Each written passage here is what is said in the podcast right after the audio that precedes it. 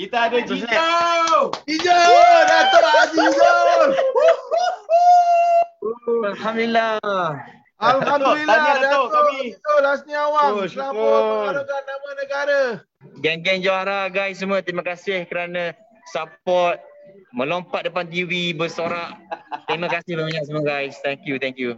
Uh, semalam eh awak buat satu Malaysia uh, dada laju melompat awak buat Malaysia ni haru biru tau semalam tau kita orang duduk depan TV tau Ya, satu betul. fenomena Kami laju Rakyat Malaysia bergabung. Ya, alhamdulillah, alhamdulillah kita nampaklah sukan ini memang betul-betul uh, menyatu padukan uh, seluruh rakyat Malaysia. Alhamdulillah saya amat rasa terharu dengan sokongan yang diberikan oleh seluruh rakyat Malaysia. Terima kasih sangat.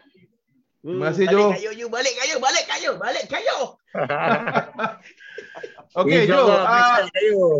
Baik Okey, uh, kita memang bagi semangat kat Datuk Jijo daripada awal sampai sekarang ni. Datuk Jijo ada tak something yang Datuk Jijo nak sampaikan kepada rakyat Malaysia walaupun ramai yang marah kepada pelumba Australia tu, ramai yang marah kepada pelumba England, ramai yang marah kepada pelumba-pelumba lain sebabkan tak bagi ruang kepada Datuk Jijo. So, boleh tak Datuk Jijo cakap something kepada mereka semua, rakyat Malaysia ni?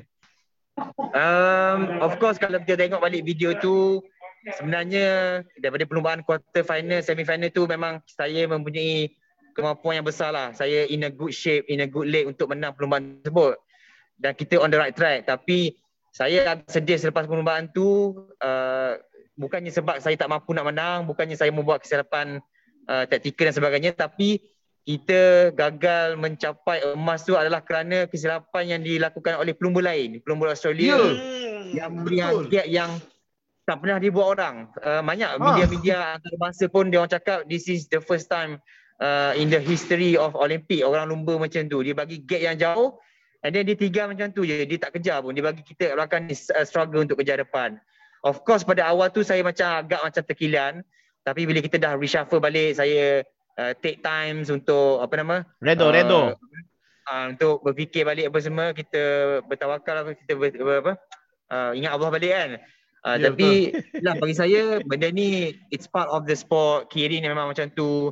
Hmm. uh, dan uh, kita kena terima lah whatever the result. Saya rasa bagi saya sebagai seorang Islam ini adalah qada dan qadar Allah dah tentukan macam tu nak macam mana. Betul. saya kena terima Betul. kita buka.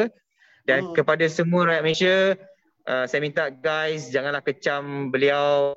Uh, this is part of the sport. Kita kena, kena terima. Ada ups and down. Ada something yang out of the control yang kita tak boleh nak kawal dan whatever the result saya harap semua rakyat Malaysia terima dengan hati terbuka. Saya pun dah terima dengan hati terbuka. Ingat perak ni. Uh, walaupun ianya perak tapi saya percaya ianya adalah sebenarnya adalah emas untuk kita semua rakyat Malaysia ya. Saya Yeah! paling gembira. Apabila melihat Malaysia bersatu padu bersatu padu semua uh, ada tengok video satu satu kondo tu berje, apa bersorak sakan apa semua video-video orang melompat saya amat terharu sangat. Jadi saya harap kita rakyat Malaysia dapat kekalkan semangat semangat bersatu ni insyaallah. Eh eh Ju Ju tahniah Ju tahniah tahniah tahniah anak ketiga. tahniah Ju tahniah Ju anak ketiga. Okey. Ju tahniah anak ketiga. kita orang anak fight kalau ketiga. kena tiga sekarang tak boleh nak kayuh dengan Johan